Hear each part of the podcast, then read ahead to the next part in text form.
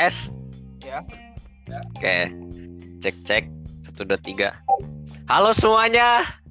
Hai hai hai. Halo. Lagi Sama host tercinta kita, the one and only, yaitu Faris Marina Samfauzi. Di sini kita akan melakukan yang namanya podcast. P O D C A S T, podcast. Yang membahas tentang teks diskusi dan teks debat. Di sini kita ditemani oleh seseorang alias teman sekelas saya untuk menyelesaikan tugas dari guru tercinta kita yang bernama Mr. Hafiz.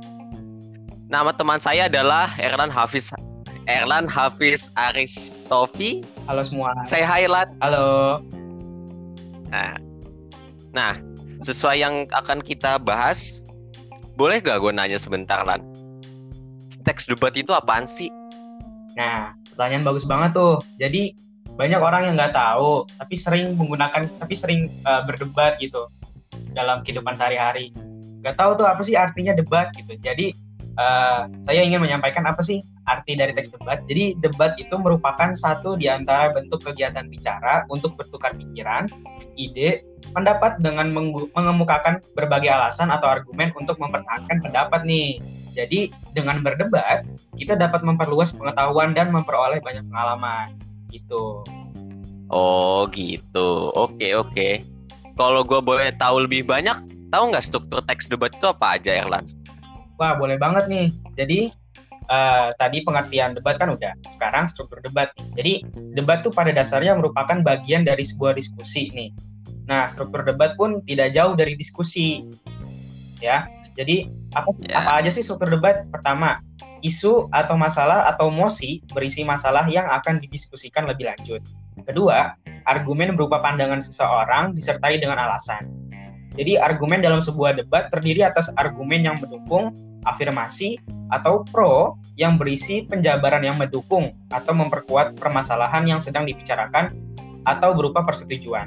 Sedangkan argumen penentang atau kontra atau oposisi itu adalah merupakan argumen yang bertentangan dengan isu yang sedang dibahas nih.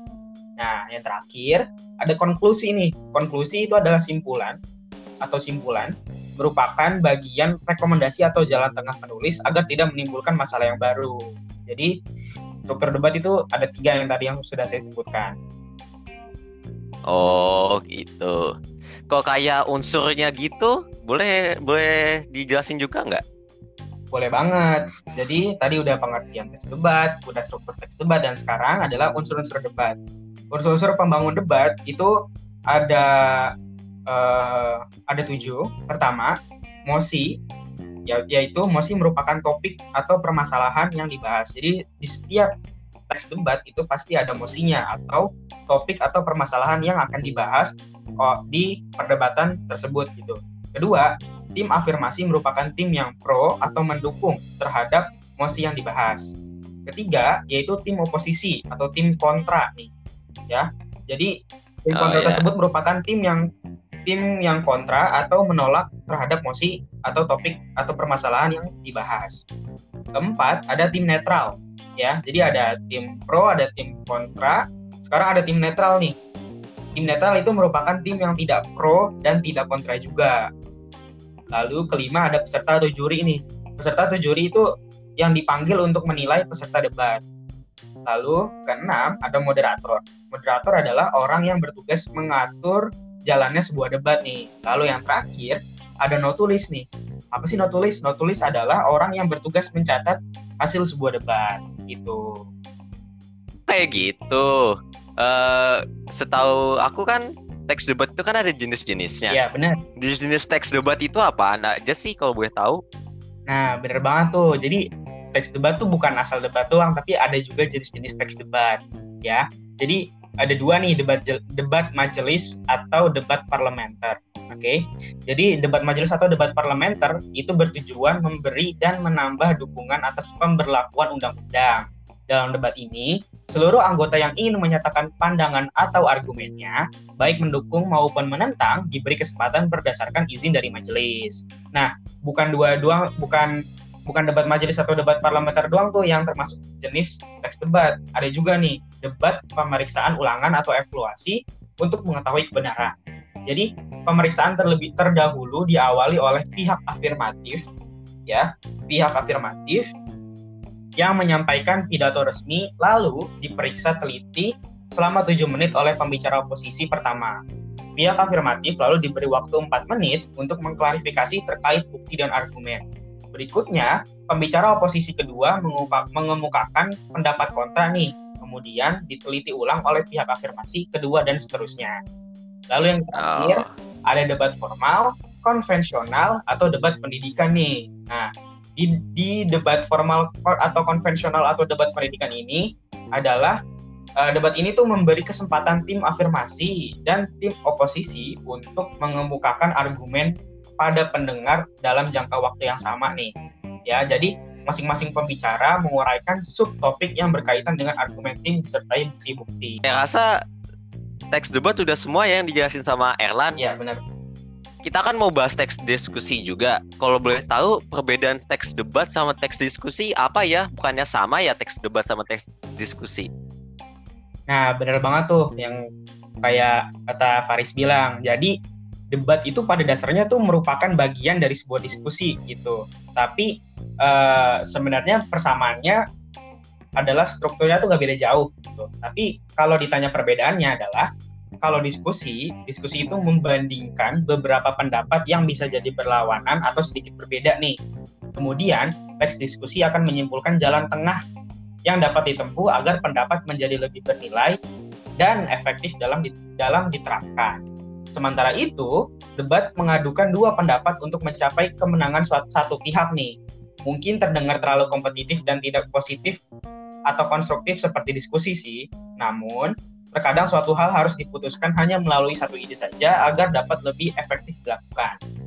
Diskusi itu masih dapat diterapkan seusai perdebatan gitu. Jadi pada akhirnya berbagai pendapat baik dalam tim yang kalah dalam berdebat juga masih dapat diintegrasikan pada ide pendapat yang menang.